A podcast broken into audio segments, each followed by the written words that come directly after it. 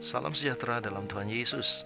Selamat mempersiapkan tidur Anda. Namun sebelum itu, dengarkanlah Cool Insight hari ini. Diane C. Person berkisah, Nenekku menyimpan catatan harian tentang apa yang dia alami semasa hidupnya. Aku menemukan tumpukan kertas-kertas catatan hariannya itu setelah dia meninggal dunia. Hal-hal yang terjadi setiap hari dicatatnya di dalam lembaran-lembaran kertas itu. Salah satu hal yang cukup menyedihkan adalah catatan tentang kesendiriannya dan bagaimana dia menangis setiap hari karena hal itu.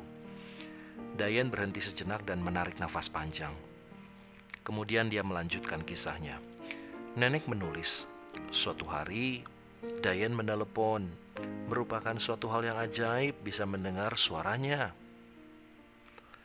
Setelah membaca bagian akhir dari buku harian neneknya ini, Dayan sadar bahwa ternyata selama ini dia menjadi orang yang tidak memperhatikan kebutuhan neneknya. Dia adalah ibu muda yang sangat sibuk ketika neneknya menuliskan bagian tersebut. Padahal yang dibutuhkan neneknya sangat sederhana, yaitu mendengar suaranya. Tidak terpikirkan olehku bahwa nenek merasa sendirian. Aku tidak pernah bermimpi bahwa sesuatu yang sederhana seperti menelepon selama 10 menit akan sangat berarti bagi nenek. Aku malu terhadap diriku sendiri, sebab aku bisa menelepon yang lain sesering mungkin. Membaca tulisan nenek tersebut membuatku sadar bahwa menelepon, mengirim surat, atau berkunjung dapat membuat perbedaan di dalam kehidupan seseorang. Jelas Dayan dengan nada menyesal. Sejak kejadian itu, Dayan berusaha sebaik mungkin untuk memperhatikan keluarganya, terutama melalui telepon. Bahkan dia berusaha untuk memperhatikan orang lain terutama mereka yang merasa sendirian di hari-harinya. Merasa kesendirian bukan perkara yang sederhana. Hal ini bisa berdampak besar di dalam kehidupan seseorang. Orang tersebut akan dihantui dengan pikiran bahwa orang lain tidak ada yang memperhatikannya.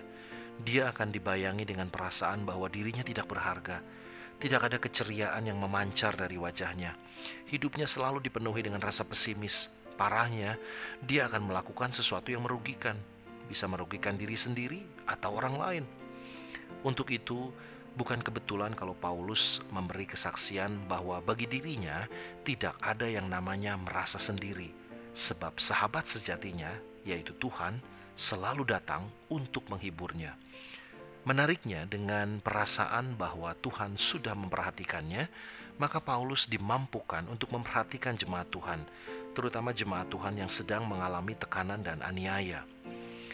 Sebagai orang yang sudah diperhatikan Tuhan, kita dituntut untuk memperhatikan orang lain.